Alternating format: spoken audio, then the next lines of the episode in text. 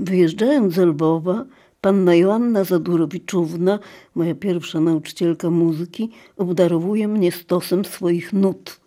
A moją mamę prosi, żeby się zlitowała nad olbrzymim, chyba więcej jak półmetrowej wysokości szklanym kloszem, pod którym stał dotąd na komodzie obok jej pianina piękny ampirowy zegar. Oczywiście zabiera go. To ostatnia cenna pamiątka rodu Zadurowiczów, mówi ze smutnym uśmiechem. Resztki dawnej świetności. Jakoś go zapakuje. Ale klosza zapakować nie sposób. A zostawić komu? Jakimś barbarzyńcom? No jak? Pani Loniu, weźmie pani? Proszę, niech się pani nim zaopiekuje. Przynajmniej będę miała świadomość, że został w dobrych rękach. Więc mama zaopiekowuje się kloszem, bo przecież my nie wyjedziemy z Lwowa nigdy. Ta ja się z Lwowa nie ruszę, za próg, ta mamciu, to skaż mnie Bóg, bo gdzie jeszcze ludziom tak dobrze jak tu? A czy pani wie, że podobno istnieje taka piosenka tylko w Lwowie? Mówi do mnie na wpół pytająco, na wpół konspiracyjnie pewna młoda blondynka imieniem Iwonka, która pracuje w jednym ze sklepów we Wrocławiu, gdzie raz na jakiś czas robię zakupy. Oczywiście nie zdradzę Państwu ani adresu, ani specjalności, bo to by była kryptoreklama, tego nie wolno to raz. A po drugie, to w tym kontekście nie ma żadnego znaczenia, bo oprócz tego, że pani Iwonka pomaga mi fachową radą, a ja ją czasem zamęczam, to jeszcze zawsze zdążymy wymienić jakieś uwagi o przeszłości, przyszłości i doszukać się jakiegoś wspólnego wrażenia, czy choćby cienia jakiegoś poglądu. Więc na pytanie, czy wiem o piosence tylko w Lwowie, wsiadam na swego ukochanego konika i recytuję jednym tchem, bo gdzie jeszcze ludziom tak dobrze jak tu? Tylko w Lwowie. Gdzie piosnką cię budzą i tulą do snu? Tylko w Lwowie. Ależ pani ma pamięć, dziwi się Iwonka. A ja wyjaśniam, że to nie jest sprawa pamięci, to się po prostu wyssało z mlekiem matki. Oczywiście tylko w Lwowie. Na to mi mówi Iwonka, że miała kochaną babcię, która przeżyła II wojnę światową zupełnie gdzie indziej i miała bardzo ciekawe, ale bardzo ciężkie życie i nigdy nie chciała o tym opowiadać, bo zbyt wiele ją to kosztowało. Więc wielka szkoda, że nie zostawiła pamiętników. Iwonka nie może odżałować. Teraz któryś z najbliższych wolnych dni wybiera się do kina na film o Janie Nowaku-Jeziorańskim. Właśnie skończyła czytać wspomnienia Andrzeja Pileckiego o ojcu. Jak pani myśli, pyta mnie, czy ktoś u nas nakręci porządny film o rotmistrzu Pileckim? Nie mam pojęcia, ale bardzo bym chciała. Przecież ten jego raport to najlepszy scenariusz. Czytała pani? Jeszcze nie, ale mam w komórce. Lada moment się zabieram. Jestem pełna szczerego uznania i podziwu. Myślę, że musiała mieć dobrego nauczyciela historii, mądrych rodziców.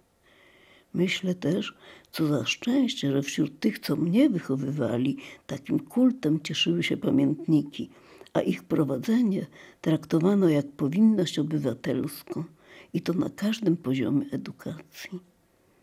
Właśnie wkraczamy czwarty rok istnienia naszego dziewczącego chóru dominikanów. Prezeska jak zwykle umieściła w naszym pamiętniku tekst podsumowania przeznaczony do lektury w naszym saloniku na podejście chóru podczas kazaniowej przerwy. O roku minionym 1944 na 45 napisała, że przyniósł nam taką ogromną masę przeżyć i jeszcze jedno wykazał jasno, kto naprawdę kocha nasz chór, kto naprawdę przychodzi po to, by służyć Bogu, a kto szukał u nas rozrywek i przyjemności. Dziś z trudem przychodzi mi to pisać, wyznaje prezeska. Dziś mamy 27 członkiń. W tej liczbie są trzy starsze panienki, dwudziestoletnie, osiem małych, tu ja, i szesnaście średnich. Z pierwszej dziesiątki, która dała początek chórowi, pozostały tylko dwie, Jadzia Igielińska i Lusia Szwed. Jedno, co nas cieszy, to to, że zżyłyśmy się ze sobą i pokochały serdecznie. Trzy miesiące przerwy w pracy zjednoczyły nas o wiele więcej niż inne miesiące normalnego śpiewu. To dziś, to wzajemne zżycie się, zżycie się z braciszkiem, naszym kierownikiem, przywiązanie do chóru, do kościoła dominikańskiego jest rękojmią, że chór się nie rozleci z błahych przyczyn, że potrafimy wiele znieść i wytrwać na stanowisku. Tu przypominam ja dziś, że to pisane późną wiosną 45 roku, kiedy już niektórzy ludzie próbowali się zakotwiczyć na ziemiach zachodnich, zwanych odzyskanymi. Obecnie mamy cięższe warunki, nie rozporządzamy odpowiednią ilością wolnego czasu, ubolewa panna Marysia, bo nauka i bliskie terminy absorbują nas i wymagają dużo pracy, ale jeszcze śpiewamy. W tym roku nie możemy uczcić rocznicy naszego chóru, tak jak czciłyśmy ją w innych latach. Nie możemy się spotkać w rozmównicy, ani zaprosić naszych rodziców na krużganki, żeby pochwalić się naszą pracą. Warunki nie pozwalają. Tu oczywiście autocenzura działa, wiadomo. Na początku roku aresztowano księży. Nie możemy także przejść nad tą sprawą do porządku dziennego, tylko tutaj w tej chwili, podczas mszy świętej, zastanówmy się, jaki był wkład każdej z nas do pracy na chórze.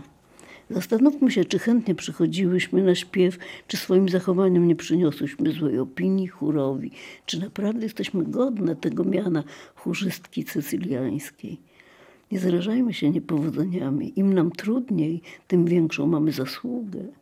W imię Boga zaczynajmy czwarty rok naszej pracy. W dalszym ciągu pod hasłem dajemy wszędzie dobry przykład. Z głębokimi refleksjami wpisuje się też rocznicowo nasz chórmistrz, brat Wilhelm, człowiek do tańca i do różańca, artysta i złota rączka, który umie poprowadzić chór, po Deo Gratias zagrać brawurowo tokatę de mol, a także oszklić okna i naprawić kopułę spaloną podczas oblężenia. Po trzech latach działania naszego chóru uważa on, że, cytuję, jego istnienie, istnienie chóru można przypisać jedynie Bogu bo można powiedzieć, że cudownie podtrzymuje go w tak przykrych warunkach. Zaznaczyć muszę, podkreśla brat Wilhelm, że pomimo przerw w próbach śpiewu, przywiązanie do naszego kościoła i klasztoru nie zostało przerwane i gdy chórzystki nie mogły z pewnych powodów śpiewać co niedzielę, dla mnie było to nie odpoczynkiem, ale raczej przykrością. Te pewne powody to właśnie aresztowanie dwóch ojców zaraz po Nowym Roku.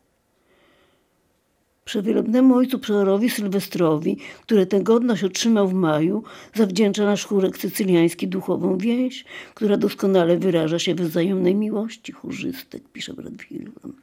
Najwięcej jednak zasług włożyła w nasz chórek panna Marysia Prezeska. Czuwa nad całością wszystkich zajęć, kieruje modlitwą i nauką, w szkole i poza szkołą, pamięta o wycieczkach, łagodzi wszelkie nieporozumienia, słowem poświęca się całkowicie. Nic też dziwnego, że za tyle pracy wszyscy i wszystkie bardzo ją kochają. Zachęcam jeszcze wszystkie chórzystki do bezwzględnego posłuszeństwa wobec niej, gdyż teraz może nie, ale zrozumiecie w przyszłości, ile ona uczyniła dla was. Święte słowa kochanego braciszka. Jeśli chodzi o mnie, kontynuuje brat Wilhelm, to w tym trzecim roku byłem wam najmniej użyteczny, nie wymieniając powodów. Najmniej w tym trzecim roku było przysporzone materiału do śpiewu. W przyszłym roku postanawiam się poprawić i przy waszej pomocy, modlitw i strun głosowych ufam w Bogu, że powiększymy repertuar. Nie mogę jednak powiedzieć, by rok był stracony. Pieśni, które były znane już dawniej, choć ilość chórzystek była większa, były jakby szkicem do budowy. Obecnie śpiew w naszym chórku inaczej jest rozumiany i dlatego powtarzane pieśni nabierają coraz większej wartości. O tyle, o ile więcej rozumiemy nasz wielki ideał miłości Boga, Ojczyzny i naszych bliźnich. Jestem dumny z waszego zapału do służenia Bogu i Ojczyźnie, lecz ostrzegam, bądźcie ostrożne i nie czyńcie tego, co przez waszą nieostrożność mogłoby was przywieźć do nieszczęścia. Zachęcam nadal do gorliwości w śpiewie, gdyż to powinno być chlubą naszej ojczystej mowy. To pisze braciszek dominikański. Niech każda chórzystka dołoży z siebie coś jeszcze na szale, a sprawa ojczyzny dobiegnie prędzej szczęśliwego końca. Brat Wilhelm. Tymczasem nasze średnie zakuwają do egzaminów, bo w sowieckiej dziesięciolatce każdy rok szkolny kończy się egzaminem i oczywiście wszystkie przechodzą do następnej klasy. a spośród nas młodszych wyjeżdża Bogusia Leszczyszyn, jedna z najwierniejszych, ta co tak ślicznie zreferowała nasze oglądanie plastycznej panoramy dawnego Lwowa, że jeden pan nas uprowadził i wszystko zrozumiałyśmy. Pisze Stefa Pietraszewska. W czerwcu śpiewałyśmy w następujących intencjach. Za ojczyznę, z okazji zakończenia roku szkolnego, o opiekę nad Mieczysławem, bratem panny Marysi, o miłosierdzie i za ojca Pawła, co prawdopodobnie oznacza, że ma kłopoty polityczne. W październiku panna Marysia znowu podsumowuje, narzekając, że chórzystki nie chcą pisać, mimo iż prosi i grozi. Odnotowuje, że w czasie wakacji odbywały się wycieczki, a w ich programie także pogadanki z dziedziny historii, lekcje religii i solfeż. Z powodu dziwnej, niewyjaśnionej sytuacji ogromnie dużo ludzi wyjechało z Lwowa. Pisze o sytuacji z początku września. Niestety nam chórzystki też ubywają ku naszemu naprawdę ogromnemu smutkowi. 16 września, pierwsza szara godzina, czyli popołudnie w rozmównicy. Chcemy ten czas wykorzystać na zapoznanie się z historią i literaturą polską. W tym dniu była z nami po raz ostatni Jadzia Jelińska. Wieczorem odeszła do rodziny na dworzec. Obiecała, że następnego dnia przyjdzie, ale odjechała. Nie zobaczymy się więcej. Żegnaj, nasza ukochana chórzystko. Może Bóg dobry da, że nie na długo. 20 września odjechała Irka Piskorzówna. 23 września, przecudna pogoda. Śpiewałyśmy na sumie, a potem zaraz prosto z kościoła na wycieczkę na pochulankę. Ostatnia letnia wycieczka. 30 września, śliczna szara godzina. Przeczytałyśmy Angelego i kilka wierszy. Zaśpiewałyśmy kilka pieśni. Było tak dobrze i swojsko, że z żalem opuszczałyśmy rozmównicę. Jedno, co mnie martwi, kontynuuje prezeska, to mała ilość członkiń. Jest nas mała garstka, 26, z czego naprawdę czynnych 17.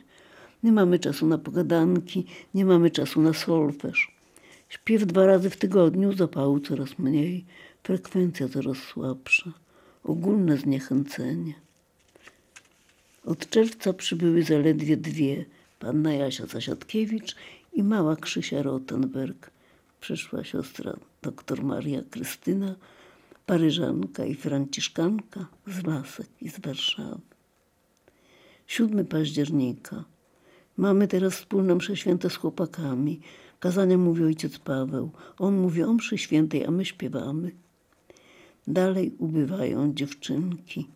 W tym miesiącu wyjechały dwie. Ala Zielińska i Danka Górska. Jest nas obecnie 25 z czego czynnych i pilnych szesnaście. Mało nas, bardzo mało, co mnie ogromnie martwi. Zupełny brak narybku nowego, brak zapału do pracy. Jest kilka, które naprawdę podtrzymują chór i za nie modlę się serdecznie, pisze prezeska, by wytrwały w swojej wierności, bo one będą tym trwałym fundamentem pod budowę naszej nowej pracy, jaką niezawodnie, gdy tylko wojna się skończy, zaczniemy. Obecnie chór jako taki jest za słaby, by mógł istnieć. Tęsknimy wszystkie za naszymi wiernymi dziewczynkami, za tymi pisklętami wychowanymi u nas, które wyjechały, aby tam na zachodzie krzewić miłość Lwowa. Modlimy się o rychły koniec wojny. Chcemy wreszcie zacząć żyć pełnym życiem narodowym. Chcemy mieć swoją ojczyznę, której tak mało mamy, bo niektóre z nas miały zaledwie parę latek, gdy wojna wybuchła. Chcemy być wolne, niezależne. Po głowach chodzą nam wspaniałe plany na przyszłość. My nimi żyjemy, tęsknimy do ich realizacji, a jednocześnie chylimy z pokorą głowę. Boże, dzieje się Twoja wola przynajświętsza. Boże, błogosław pracy naszej, daj siły tej garstce mojej ukochanej, by do końca stała na posterunku i daj, by te inne mogły szczęśliwie wrócić.